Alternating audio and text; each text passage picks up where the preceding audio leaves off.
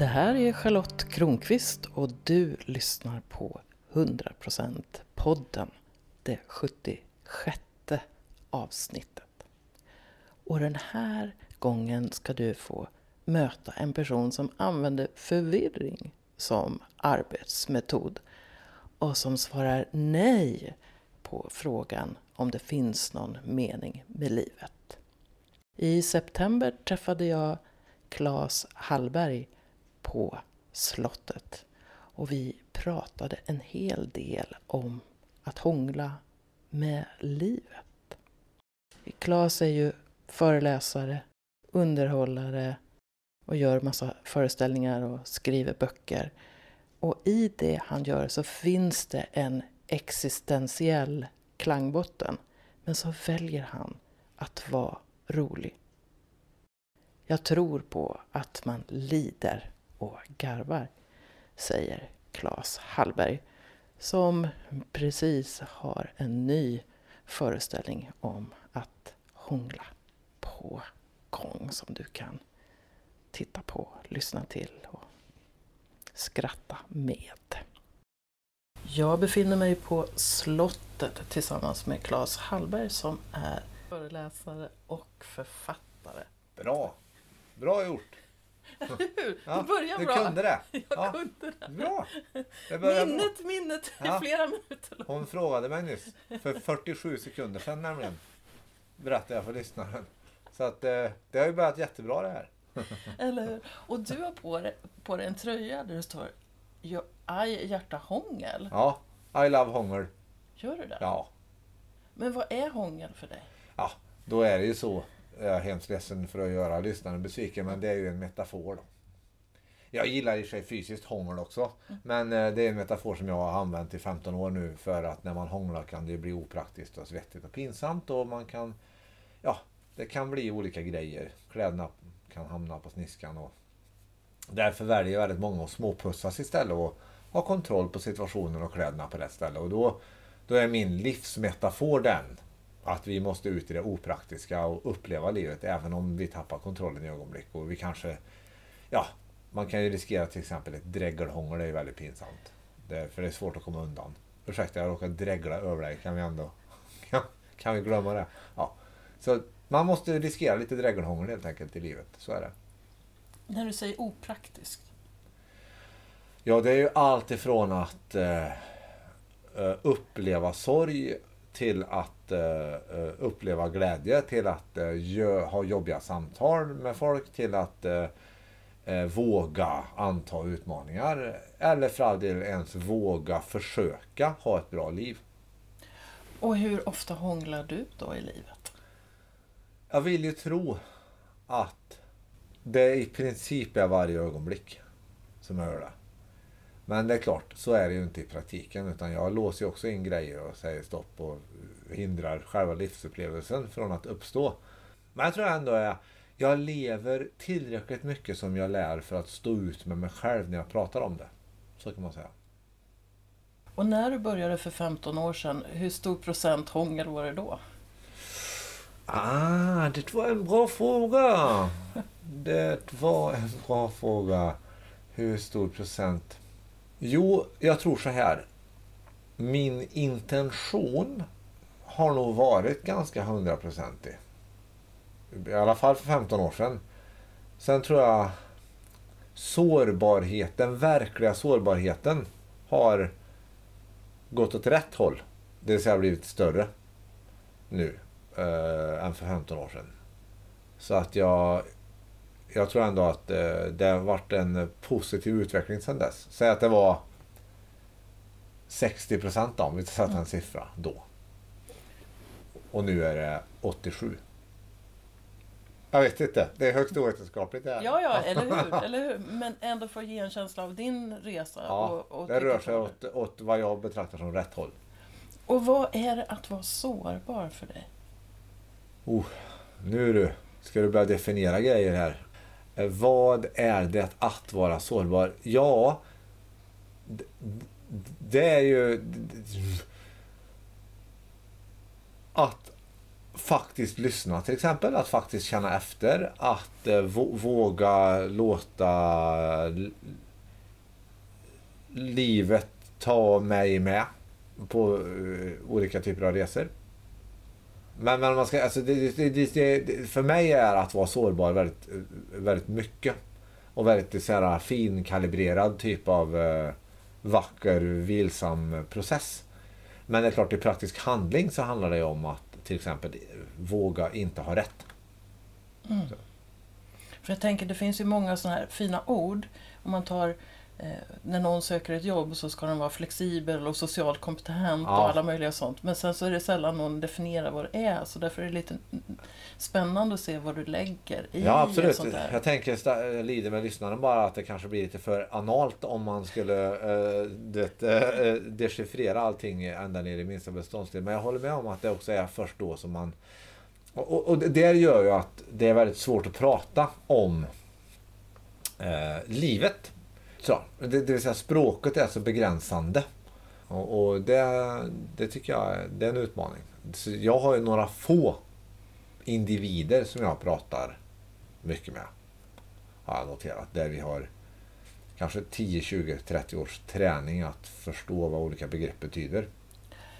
Visst är det där spännande för att väldigt ofta tror jag i kommunikation så tror man att man pratar om samma sak och så gör man inte man, alls Nej, så är man helt på olika planeter och utan att veta om det dessutom. ja, och sen undrar man varför, varför blir det inte roligt? ja. Har du någon mission in life? Ja, det, nej, eh, det skulle väl vara att uppleva det. Mm. Jag tänker, du ska ju ut och turnera nu och när det här sänds kanske du har börjat igen och då ska du hångla ännu mera. Ja. Vad har du för intention med det? Den föreställningen? Ja, men den föreställningen som då jag definierar som en filosofisk humorshow eh, eh, testar vi nu för att kommunicera vad det är. Då är intentionen att eh, skapa en, eh, en upplevelse tillsammans med publiken där... Eh, nu blir det pretentiösa svaret. Det här svaret får ju inte morgonsoffan. Då får jag ett mindre ambitiöst svar. Men jag tänkte nu... Nu har du nu ju vi, lång stund Ja, nu kör vi ambitiösa svaret istället för plattityd ja, PR-svaret. Ja. Ja. ambitiösa svaret är så här. Jag vill skapa en relation till publiken där jag dribblar med deras intellekt så pass mycket att de i princip kortsluter det. Eh, och tänker det går inte. Killen har ju tagit jättemycket droger och jag kan inte följa med på det här. Och då får de i bästa fall en lite djupare upplevelse. En lite mer känslomässig upplevelse, en lite mer en sårbarare upplevelse av det där. Och då är min valda sanning eller min förhoppning, min intention att de, de helt enkelt ska få en liten nära livet upplevelse under tiden som jag pratar. Och jag med. Och vad, skil, och vad är då en nära livet upplevelse? Ja, det är olika för olika human beings som vi säger här i Stockholm. Nej, men, det är väl olika. Men det nära livet är en, en, en, en, en, en, en, så här, en upplevelse av att vara levande bara. Man, man garvar hejdlöst fast man egentligen har identitet. Jag är en sån som inte skrattar så mycket. Eh, till exempel. Eller att man helt plötsligt sitter och gråter. Eller att man eh, hamnar i det goa liksom eh, lite så mellan raderna läget att man driver iväg och tänker på något helt annat än min show. Så. Det är roligt att se ditt kroppsspråk när du berättar. ja, det går ju lite bort i själva formatet ja, för, för lyssnaren. Men... men när du skulle säga det lite lugnare så var det som att hela din kropp blev något annat. Ja, jag, jag um, valde väg, tror jag, för nästan 20 år sedan. Så var det frågan, ska jag träna min kropp att, så att säga, ska jag aktivt träna kroppsrörelser framför spegeln? Eller ska jag helt enkelt eh, typ göra löjligt mycket friande andning och eh, eh, eh dans och eh, sådana primalskri-grejer så att jag släpper spänningarna så att kroppen automatiskt säger det orden säger. Så jag valde väg nummer två.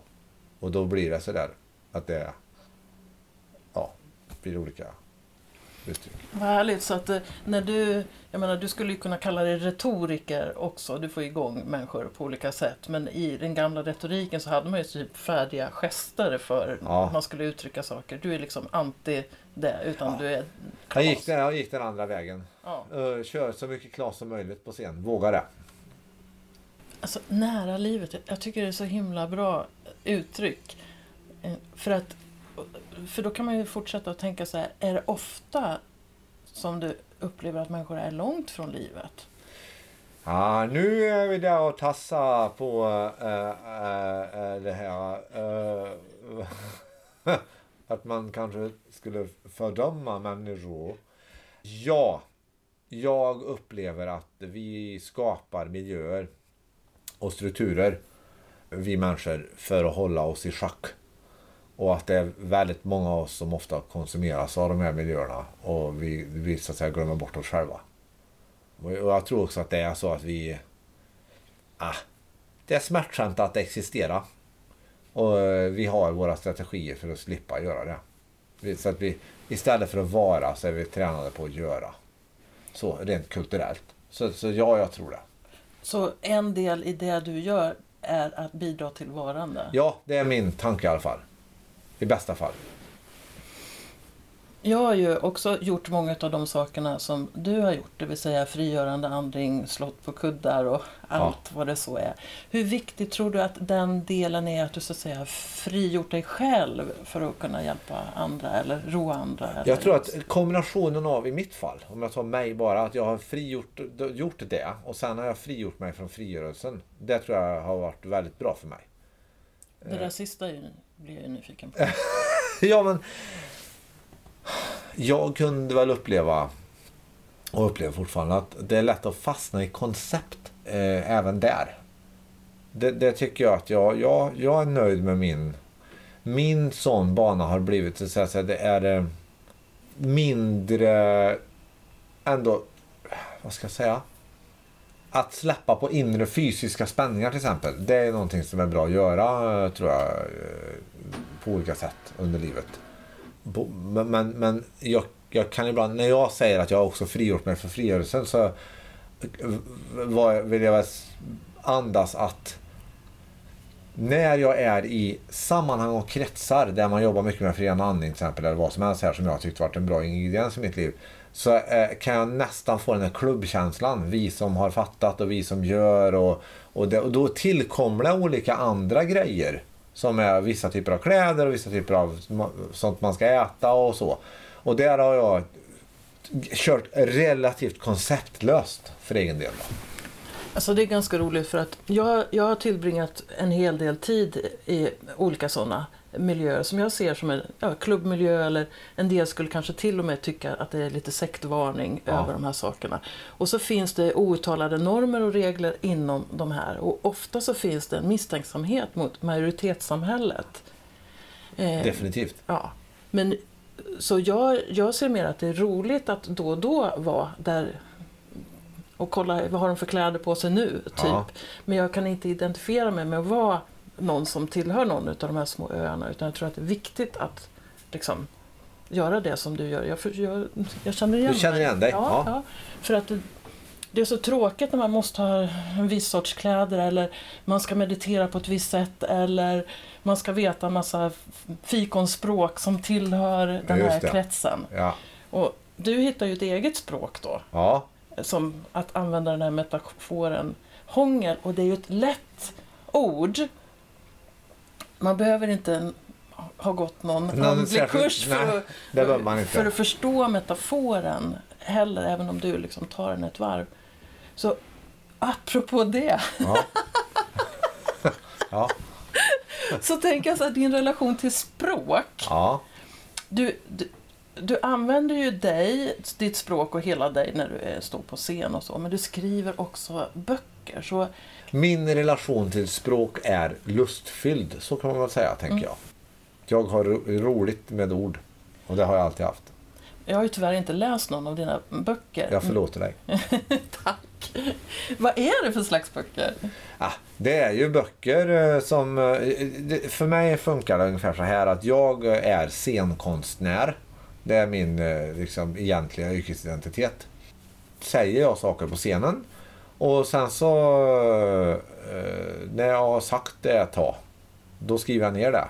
För då är det, så att jag, jag ska säga, det blir att jag redigerar materialet på, live. För då får jag ju respons så jag kan ja, men vrida och vända och jaha, säger vi si, säger vi så, så jag hittar hur jag ska säga och så är det en pågående process. Så då kan man väl säga att mina böcker är nerskrivna ur mina eh, föreläsningar och föreställningar och är skrivna i princip på talspråk då. Ah.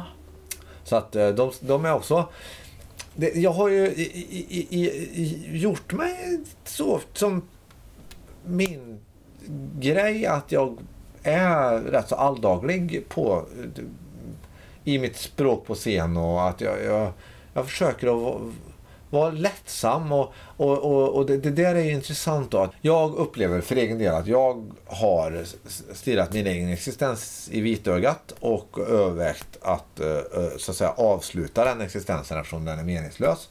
Och det ägnade jag några år av mitt liv åt att kämpa igenom. Och sen så kom jag liksom ut på andra sidan och bestämde mig för att eftersom jag uppenbarligen har valt att leva så är det lika bra att göra så bra som möjligt av det. Så att jag eh, tänker att jag har en slags existentiell klangbotten med i det jag gör men väljer att vara rolig. Och det här har, det är svårt för folk att förhålla sig till. Är det. För att det är som att man måste trots allt lida, punkt. Och jag tror ju på att man lider och garvar. Det är min grej. Både och. och det avspeglas även i böckerna då. Men jag kan väl säga att rent, särskilt den senaste boken som heter Hedra Mysteriet, där är det väl ändå, tycker jag, där är, finns det lite mer anala typ av djupet och resonemangen med i boken. Den, den är, den är, inte, den är fortfarande lättillgänglig, men, men eh, det är lite mer utskrivet.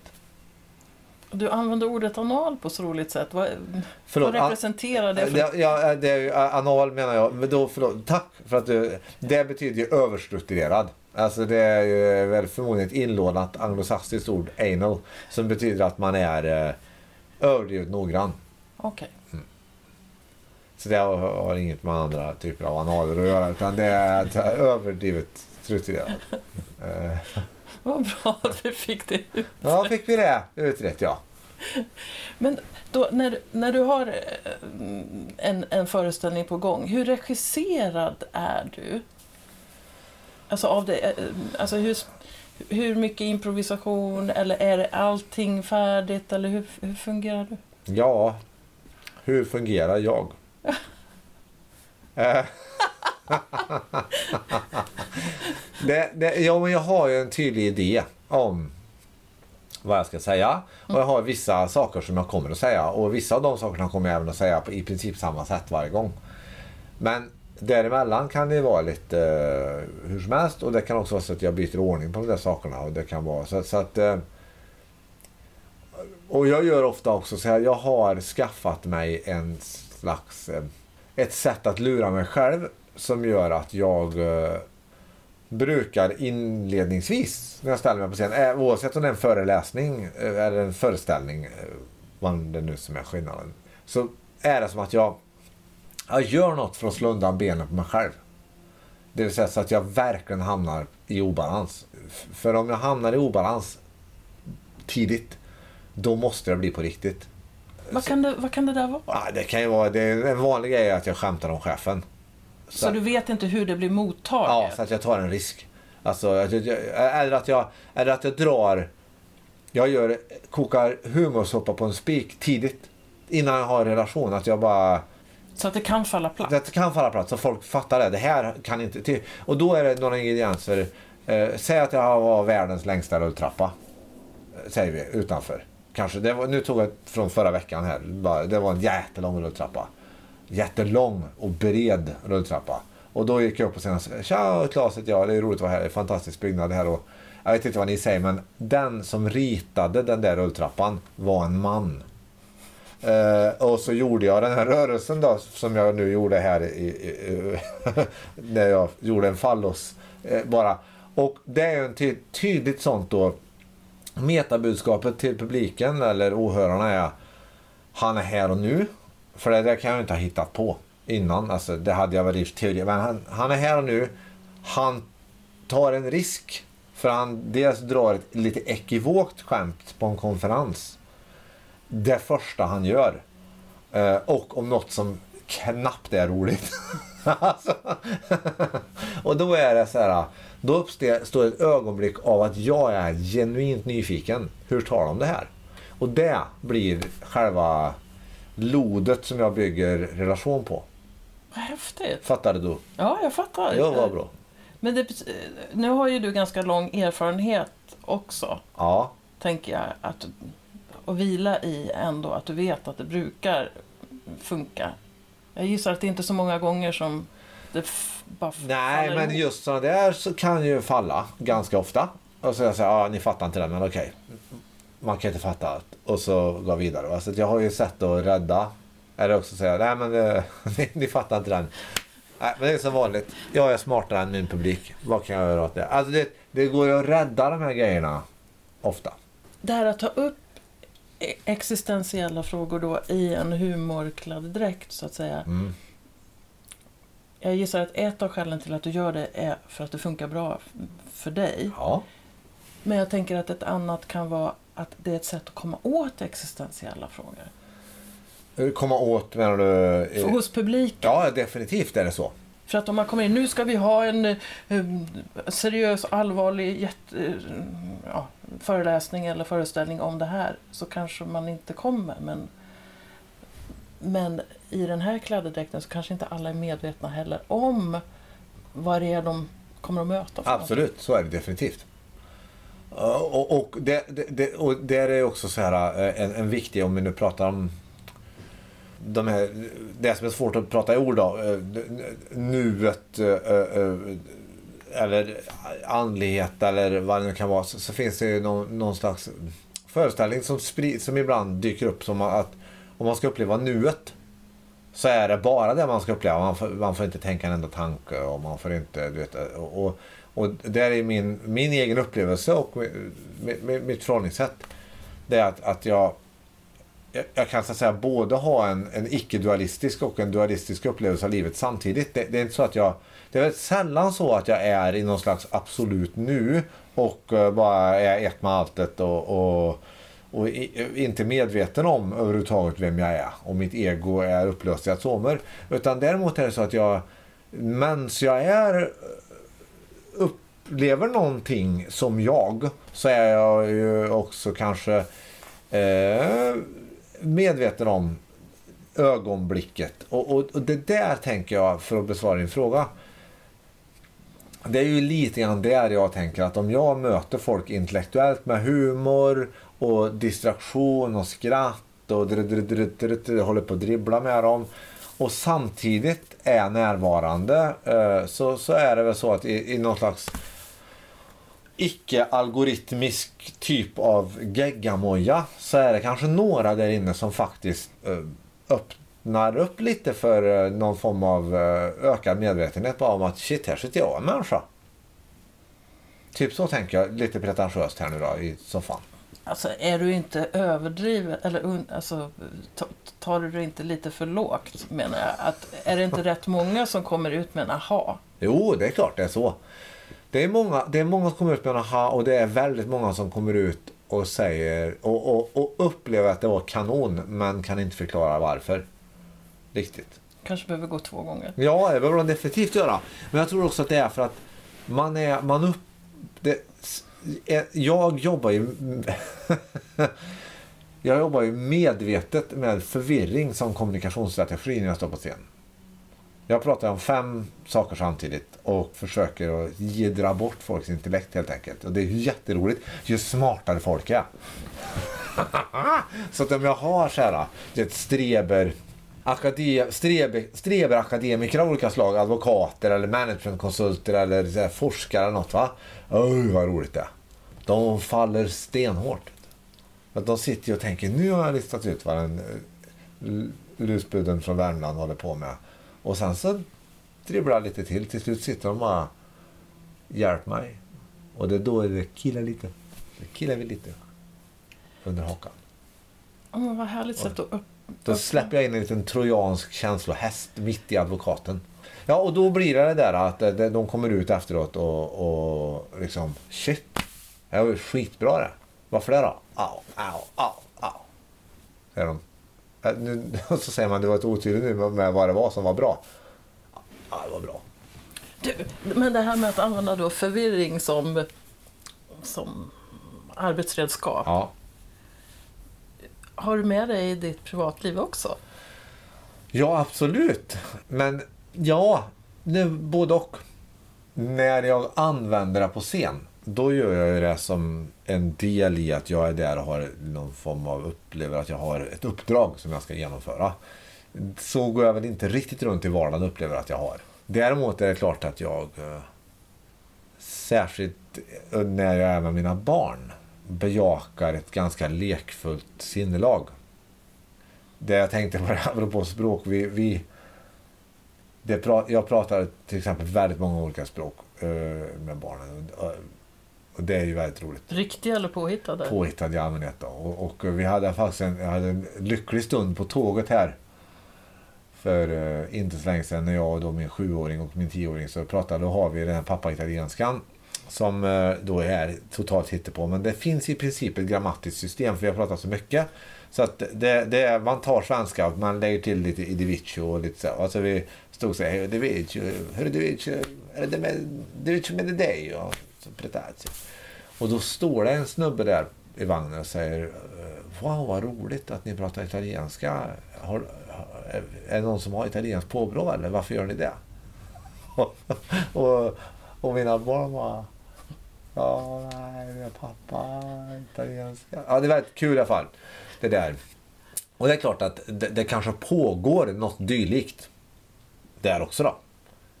Men det är inte medvetet på samma sätt som på scen. Jag föreställer mig att du är du på scen men kanske att det blir liksom en mm, ändå en persona, ett, en, en uppskruvad variant. Ja, det är klart det är en uppskruvad variant av mig det blir ju en, en, en, en eh, som jag sa, jag, jag, tar ju ett större ansvar för fler människors temporära välbefinnande när jag står på scen än vad jag gör i vardagen.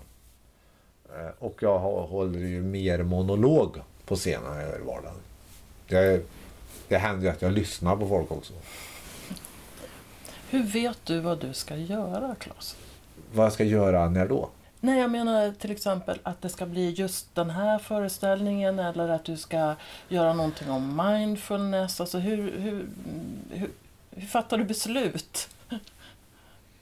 Hur fattar jag beslut? Ja, är det så här att det kommer, så här, det kommer bara en idé från eh, någonstans, ah, det här ska jag göra eller... ehm, jag tänker också på hur vet du om... Ja, alltså, jag funderar ofta på vad, vad är det jag ska göra och vad är det jag ska lyssna på för att veta vad jag, jag ska göra. Vad ska jag säga nej till? Vad ska jag säga ja Ja. till? Lite så. Ja. Jag önskar att jag kunde ha haft någon sån här bara... Ja, nej, men jag sätter mig i trans och känlar liksom. Men, men så är det ju inte. Utan jag, jag, jag vet inte, är svaret. Eh, och när jag tittar tillbaka historiskt på det som jag har gjort, de böcker jag har skrivit och det som jag... Då har det gått till på lite olika sätt. Eh, det senaste här nu, showen då, eller eh, den filosofiska humorshowen. Den, där var väl så att jag satt på planet hem från semestern förra sommaren och då hade jag tänkt bara lite löst att det kanske ändå är blir en sån här äh, gör om, gör rätt på hångelfronten för att jag jag insåg ju att, att om jag nu för drygt tio år sedan skrev en bok som heter Hångla mer och som gick ut på att vi ska ha, våga lite mer i vardagen och vara mer opraktiska och ta större risker. Så är det ju helt enkelt så att jag kan konstatera nu då drygt tio år senare att det har inte gått så bra för mig med det. det, det alltså, för, för vi är ängsligare än någonsin. Det är ju mer mappat och inrutat och fyrkantigt och det är mer manualer och policies och det är mer tillrättalagt och ungarna har cykelhjälm när de cyklar till och med i trädgården. Alltså det är ju... Så att, så att eh, då satt jag på planet hem och så insåg jag att jag, det blir gör om, gör rätt här nu. Det, det måste bli en mer tydlig mission. Nu ska hela Sverige hångla. Det var för få som hånglade sist. Och då rasslar väl 60% av den manusidén rasslar väl till på planet där. Då säger jag det här, så säger jag det där, så tar jag det där, så tar jag det där och så... Trut, trut, trut, trut. Och sen så var det väl bara att köra. Och sen så har ju då det successivt bytts ut det innehållet under det teståret som har varit här nu. Så att jag har hållit på och möbat mig lite. Alltså du sitter och plockar en hel del med det som blir en föreställning? Ja, jag plockar hela tiden och det... Ja, så här är det. Då har jag testföreställningar här och sen så eh, för, under förra året och nu ska det bli premiär. Det, det är oklart när exakt det här sänds Mm. nu men under hösten då är det premiär. För en, och jag tar fram en fin affisch när jag ser ut som en pastor och eh, det är lite humor. Men egentligen är det så här, om jag ska vara ärlig. Den här premiären, den är inte mindre test än vad testföreställningen är. Allt är test. Varenda föreläsning är test. Jag menar, livet ett nytt test varje dag. På, sam, på, på samma sätt som du berättar om hur du inleder en föreläsning. Ja, så, så det, det, måste att, ju vara. Ja, och jag, jag tänker lite grann. Det pratar jag faktiskt om eh, rätt så ofta på scen med olika advokatfarbröder och tanter. Men, och med andra. Att, att eh, begreppet beginners mind. Som väl inte vet jag var ursprunget är. Men för mig är det ett zenbuddhistiskt uttryck. Men eh, Suzuki Roshi. Han fångade ju själva, tycker jag, essensen i det. I så att In the beginner's mind there are many opportunities. In the experts there are few. Och det där tar jag ofta upp på scen som ett exempel på att när man har stått på scen i 20 år som jag har gjort och kanske gjort ett närmare 2 500 framträdanden. Då är det ju risk för att man börjar tänka att, att jag kan det här. Ja. Och det är min absoluta övertygelse att samma dag som jag hör mig själv säga det så då börjar utförsbacken. Då är det risk att jag fattar sämre beslut, är mindre på tårna och är mindre närvarande. Och för att återkoppla till det här att, att det är ju... Det är, jag har ju 20 års erfarenhet och jag har en idé om vad jag ska säga. Men jag är ju, det är ju beginners mind. Liksom. Det är ju idag, nu. Wow, vad händer nu? Hur är det här idag? Det, det är ju så liv, Det är därför jag menar livet det är ett test varenda dag. Jag har massor med resurser. Men jag måste ju testa dem. för bland det tråkigaste som finns är ju att möta någon på en scen som, där man ser att allting är eh, regisserat så att säga. Ja, jag håller med. Eller där man ser att personen är otroligt nöjd med, med sig själv och hur bra han eller Ja, hon här kommer facit. Ja, precis. Hur länge vill man lyssna? Nej, det är väl Så- oklart kanske. ja, ja. Mm. Så, vad är kärlek för dig? Oj, nu du! Du har ju ett stort hjärta på dig. Ja, ja, ja, menar du då eh, romantisk kärlek eller menar du det som kärlek ur ett vidare begrepp? Eller Det är så vidare? bra att ställa den frågan för att då, då, då kan ju du välja själv. Vi kan ju ta båda. Ja, okej. Eh, Den romantiska kärleken, vad är det för dig? det, det, den, den, eh, det vet jag inte riktigt. Men, den- det vidare begreppet Men kanske den, andra, ja, den andra kärleken, det det, men det är ju det är, sa- det är samma sak som sårbarheten. När, jag, när du frågar mig om jag ska definiera sårbarhet så skulle jag börja säga samma sak nu igen om jag skulle definiera kärlek. Och det skulle vara om, du skulle, om, om, om någon skulle säga så här eh, eh, vad innebär det att existera? Så skulle jag säga samma sak. Jag skulle famla efter samma typ av ord. För att det är svårt att ta på. Ja, och det också är att det är samma. Och det är större än ord. Ja, det är mycket större än ord. Det är ju overkligt svårt att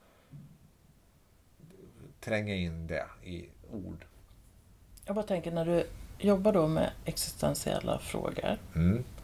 eh, och du har själv antagligen då jobbat med dina egna, eh, och det pågår väl hela tiden? Ja.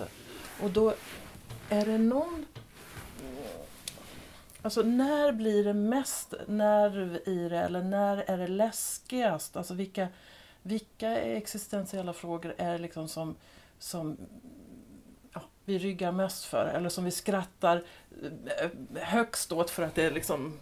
Ja, det, ja om du frågar mig så är det två Ja. ty- tydliga. Mm. Det ena är, fin, finns det någon mening med livet?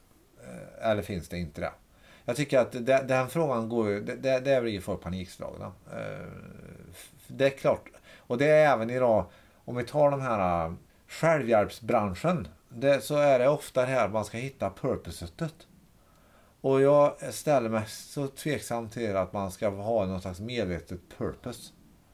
Som, det, det, det är för mig, det, för mig funkar inte det som, det, som, som idé. Utan eh, det är, eh, jag har i alla fall inget. Sen blir jag väldigt ofta anklagad för att ha ett. För att jag är ju uppenbarligen ute och anklagad. Men alltså jag blir, folk de kanske tycker du missionerar för något. Ja, men på ett bra sätt tycker de att du har ju hittat ditt purpose du, säger de. Så här, och jag bara, shit, vad bra. Vart, hur ser det ut? Det ska vara, vad väger det? Kan jag sälja det vidare? Men alltså, så, så jag, eh, förlåt jag samlar, jag ska skärpa mig.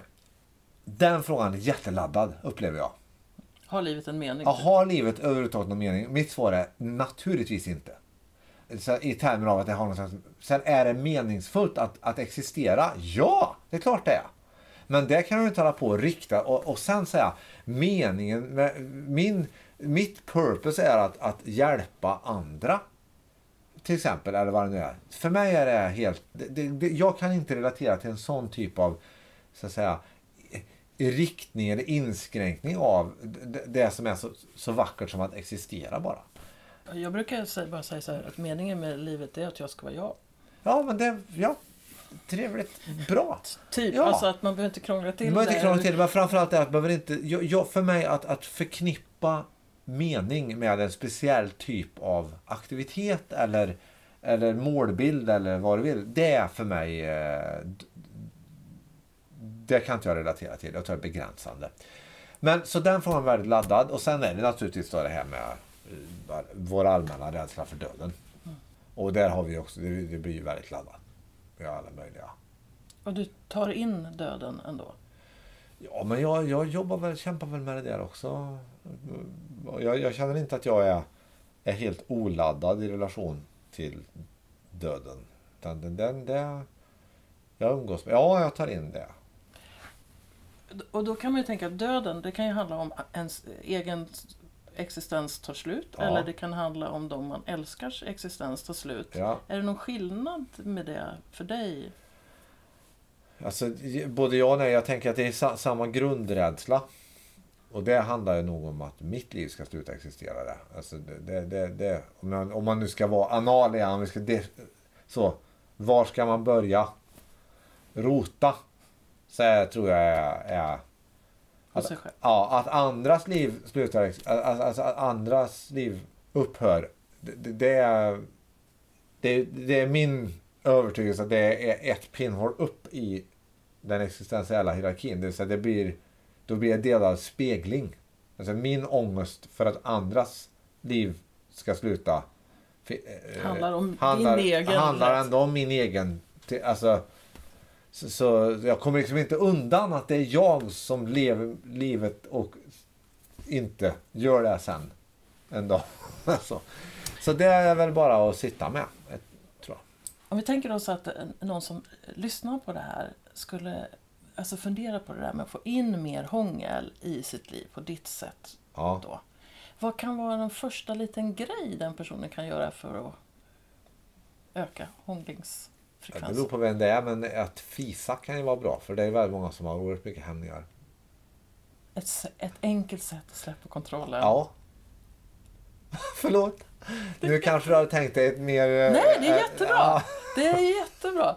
Nej, men jag tror, eh, för, för att ändå lägga ut texten. Om man sitter och lyssnar på det här och har lyssnat så här länge. Då är man ju, det är ju otroligt bra gjort. Men kanske man har börjat klösa sig själv för att uppleva fysisk smärta som ett alternativ. Men, men jag, jag, jag tror ju med, med det sagt. FIS-grejen där, alltså börja i det lilla. Är det ju är det som är för oss. Man gör små grejer som man tycker är lite galna. Och vi, vi är... Det, det är så lätt att känna sig jag är en så fri person och jag är helt uh, vågad och modern. Men ärligt talat, det, det, vi har ju alla våra såna här... Uh, jag cyklade utan cykelhjälm här nu själv. Känner mig jättebusig. Och då pratar vi ju en och en halv kilometer liksom. Kommer jag bara wow. Jag menar, det, det behövs inte så mycket. Ofta. Tack Claes Hallberg för att du kom hit till slottet idag. Tack så mycket. Ja, på vilket enkelt sätt kan du börja hångla mer i livet? Är det en liten prutt som krävs eller är det någonting annat? Men ta det steget. Våga leva mer. Och skratta gärna lite grann åt dig själv. Det tycker i alla fall jag är en bra medicin och jag gissar att Claes Hallberg också gör det. Du lyssnar alltså på 100% podden avsnitt 76 och så finns det sådär 10 stycken på engelska också. Wow, vilket projekt det här är. Vilka fantastiska människor jag får möta. Känner stor tacksamhet över det. Och jag har ju mer på gång än själva podden. En av mina sätt att bidra till mer liv i livet är lekfull tantra. Den 18 november är det dags för dagskurs i Stockholm. Det finns några platser kvar. Och om du tycker att det är läskigt att möta andra så är ett sätt du kan göra att gå onlinekursen Lekfull tantra. Du hittar det jag gör på min hemsida charlottekronqvist.org. Välkommen att botanisera där